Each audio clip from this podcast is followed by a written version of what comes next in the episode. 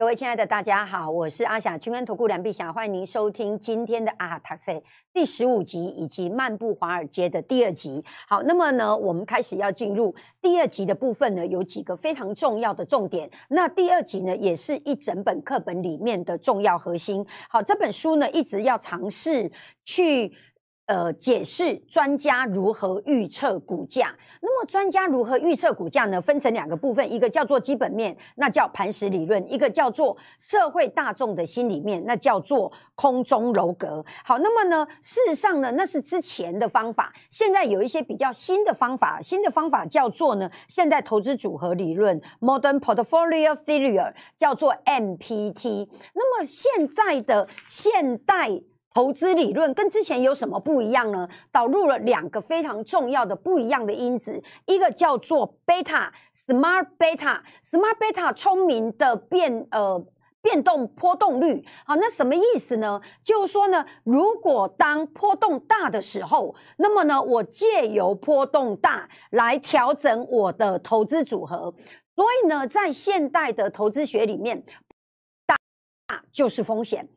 不管你压哪一边，压压对压错哦，所以这是一个非常重要的一个概念。等一下我们也会提到呢，你如何利用波动率，因为波动率你要超额报酬，一定是什么？一定是提高风险来。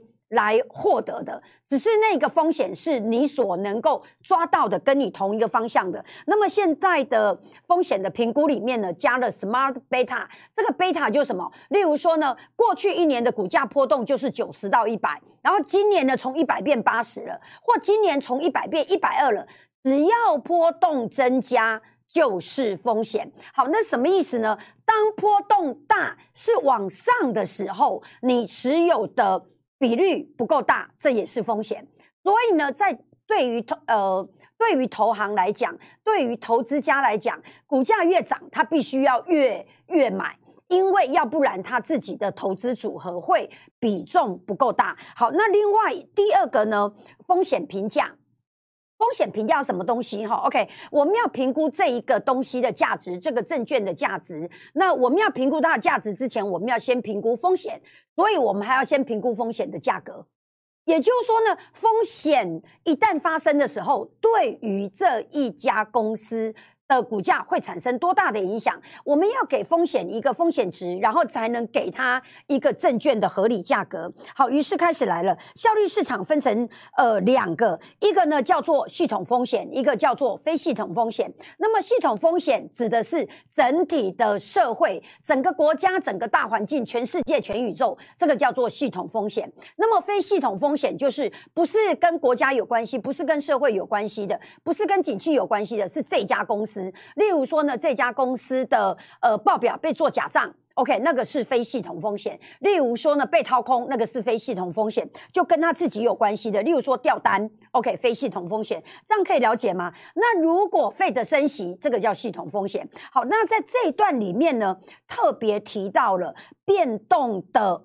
范围，也就是变动的范围变大的时候，就是风险变大哦。风险是一个非常狡猾又非常难掌握的概念哦。所以呢，这本课本把风险定义为成为遭受伤害或损失的可能性，有道理嘛？哈。可是问题是呢，风险如果你能够 handle 的好的话，那是不是你获利的机会？所以。所以，他这本书呢，基本上是把它风险定位成为是让你遭受损失的。所以，例如说，哈，例例如说，股价下跌，你是做空的，那么你有。你有遭受风险吗？你没有遭受风险。再来一次，股价下跌你做多，那你当然遭受风险。再来一次，如果股价上涨你做空，你当然遭受风险。如果股价上涨你做多，你当然没有风险。所以，如果你做多涨得越多，那涨得越多变动这个越大，那你叫风险吗？就不叫风险了。再来一次，这个观念非常的重要，也就是很多人呢把风险当成是什么？就是呢，好像是一个。非常难掌握的，只要变动大的那个观念被淘汰了，所以才会变成 smart beta，就是变动大小其实不是真正的风险，真正的风险是你没有适时的去调整，跟你根本做错方向。好，投资的风险就在于你预计他要给你五块钱的股利，结果你他只给你三块，然后再过来持有的价格还因为这样而下跌，所以你遭受了两个损失：一个是该领到的股利减少，然后再过来你握有股票还减少。所以呢，这呃，如果某一档股票的每年变动报酬率是很大的，而且呢，把它甚至什么？变动呃，变动的波动范围变大，这个全部都叫高风险。这课本里面哦，有一句话非常好玩。过去这么多年里面，平均有三分之一是景气繁荣，有三分之一是快速成长，有三分之一是停滞性通膨。各位，我们从二零零八年以来到现在为止，我们经历了多少年头？十四个年头。这十四个年头里面呢，我们几乎都在什么？都在景气繁荣，这个叫正常。然后呢，快速成长。课本讲的很清楚啊，它应该又有三分之一的什么停滞性通膨，它直接用停滞性通膨几个字，它没有说要衰退哦，它直接用停滞性通膨。那么你上过我课，你知道停滞性通膨代表什么？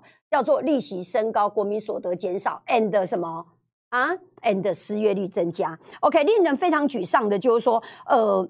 失望才叫做风险了，哈，OK，这句话很重要。失望才叫做风险。你赚钱你会失望吗？不会。所以呢，所以股价下跌不是风险。有没有听懂？有把这个话听懂吗？所以呢，即使市场呢被上冲下洗的机会很高，风险也很大。可是呢？如果你能够适时的操作，那么这个风险对你而言是不存在的。股票呢，似乎每一年我们都期望它提供正面的实质报酬，那么这个实质报酬却要去除通货膨胀，是要去除通货膨胀的。所以呢，他以前给你五块，那现在呢，他给你六块，你才能满足，这叫叫。这叫做实质报酬率。好，那么呢，我们必须把以前的观念要加上什么？现在都要加上通膨率了哈。那么这里面呢，有几个有关于美国华尔街的波动率的影响。那么他就提到了，那么当波动增加的时候，事实上呢，只有少数的人能够驾驭波动。那么在台湾呢，还没有人做过。这样相类似的，可是呢，在您的经验里面呢，例如说这一次的一八六零零，呃，我全身而退，我们全身而退，然后呢，一万八千三百点，我们开始空下来，这是非常凤毛麟角的，这是少数中的少数。那个课本里面之前在上堂课就有提到了。呃，多头市场赚到钱，大家都是通通赚到钱的。可是呢，空头市场来的时候，能全身而退，才真的是大赢家，因为那是少数中的少数。风险会不会带来报酬？风险当然会带来报酬，大波动、大风险、大机会、大报酬，所以风险会带来报酬率哦。那么这时候他就主张了，有时候呢，分散投资。不能够消除风险，甚至分散投资有点太分散，结果该赚的你没赚到。这个课本里面检讨了一个呢，叫做马克维兹。马克维兹这个人呢，他是得到诺贝尔经济学奖的，还有 Sharp 也得到了。对，在那一年，他们他们两个都得奖了，同时获奖。他就什么理论获奖啊？他讲的就只有一个叫做什么效率前缘。效率前缘是什么呢？就是我握有这个东西的时候，它能够再给我增加，能够再给我增加，能够再给我增加。我到底应该对它要投予多少个投资比率？有一点悬哈，你就把它听过去就好了。我们要特别注意的是，系统风险没有办法经过分散投资来消除。来一次哦，这句话超级重要的。系统风险没有办法经过分散投资来消除，也就是说呢，当央行或者是美国费的降呃升息的时候，升息的话，那么造成股价下跌，你可以分散风险吗？我把原本我的两张台积电变成一张台积电跟跟一部分联发科，没有办法，系统风险没有办法经过分散来消除，各位。都讲的很清楚，课本讲的很清楚，所以你要规避系统风险。当升息的时候，你只有一个方法，你只有一个方法，叫做什么？叫做赶快跑。而不是把想要把 A 股票换成 B 股票，然后呢 B 股票也套牢再换成 C 股票，没有办法，因为现在这个叫做系统风险，这样可以了解这个书还是对你有帮助的哈。好来，你来看到呢第两百六十页里面讲的非常的清楚，两百六十页我念给你听哈。利率的改变是影响整个报酬率的系统因素。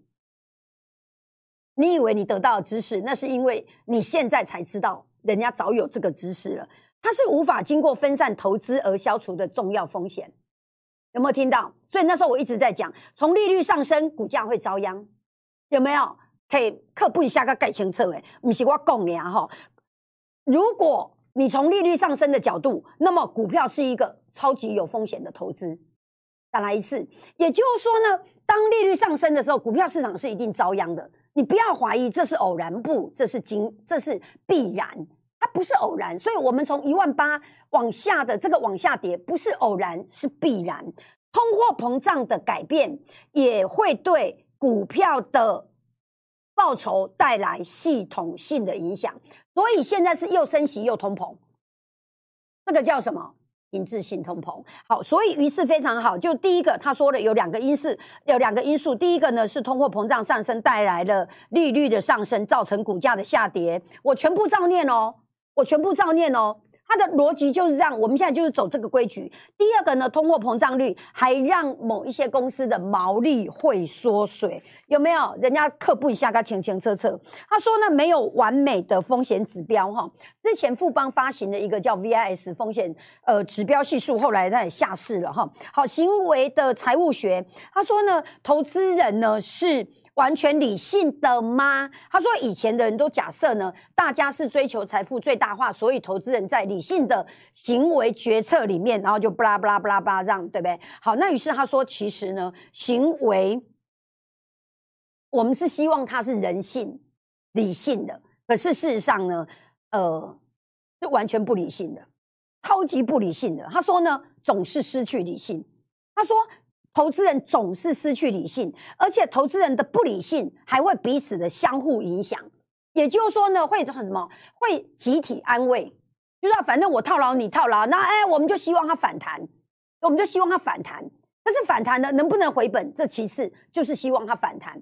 所以那个不理性是会彼此影响的哈。那他说呢，造成不理性有四个因素，这四个因素还蛮重要的。第一个，过度自信。第二个呢，错误的研判；第三个，从众心理，然后再过来是规避风险。好，他提到了一个规避风险，这是特别值得讲的哈。为什么大部分的人都把赚钱的股票卖掉，把亏钱的留下来？他说会造成这样的心理，就是因为叫做规避损失，没有办法面对损失的实现的这种心态，让。散户总是把亏钱的股票留在身边，那大家都知道后来结果是怎样？后来结果当然是不对的嘛，哈，当当然是亏钱的就亏越多，然后赚钱的每次都只有赚一点点的哈。最后呢，他用这个来作为第二个重要章节的最后结论，我稍微念一下：骄傲跟后悔。很多人呢觉得只要紧紧抓住亏钱的部位。总有等到回本的那一天，摆脱懊恼的心情，这一些骄傲跟后悔的情绪，会把投资人紧守赔钱的部位，卖出赚钱的股票。就为什么会选择卖出赚钱的，留下亏钱的呢？因为卖出赚钱的会让你建立信心。哦，我有赚，我赚八千块，伊袂给你赚八千块的时阵，迄个了两万块还在他身边。所以，如果卖出赔钱的股票，会带来后悔跟亏损的痛苦，也就是这是一个骄傲跟痛苦跟懊恼两个情绪的交互的的混合。显然，这个方法是不对的。但是呢，按照常识来看，这不仅不对，这更是愚蠢。各位亲爱的，我用这一句话来作为今天我们阿哈塔在第十五集《漫步华尔街》第二集的最后结论，就是呢，如果你今天听到了这个，那么我们就要开始知道，其实自己心里面的它是一种骄傲跟一种懊恼，然后呢，我们要把它改掉。知道要把它改掉之后，这也不是台湾人的而已，这是美国人，这全世界投资人就都一样的，能够把它改过来，那么千万富翁下一个就是你。那么感谢您今天的收听，下一次我们要读的是华伦巴菲特，感谢您按赞、订阅、分享。您听到了哪一句话是给你非常？有感觉的，那么留言在下面，我都会上来看。按赞、订阅、分享，按赞、订阅、分享，感谢您的收听，我们下次再见，拜拜。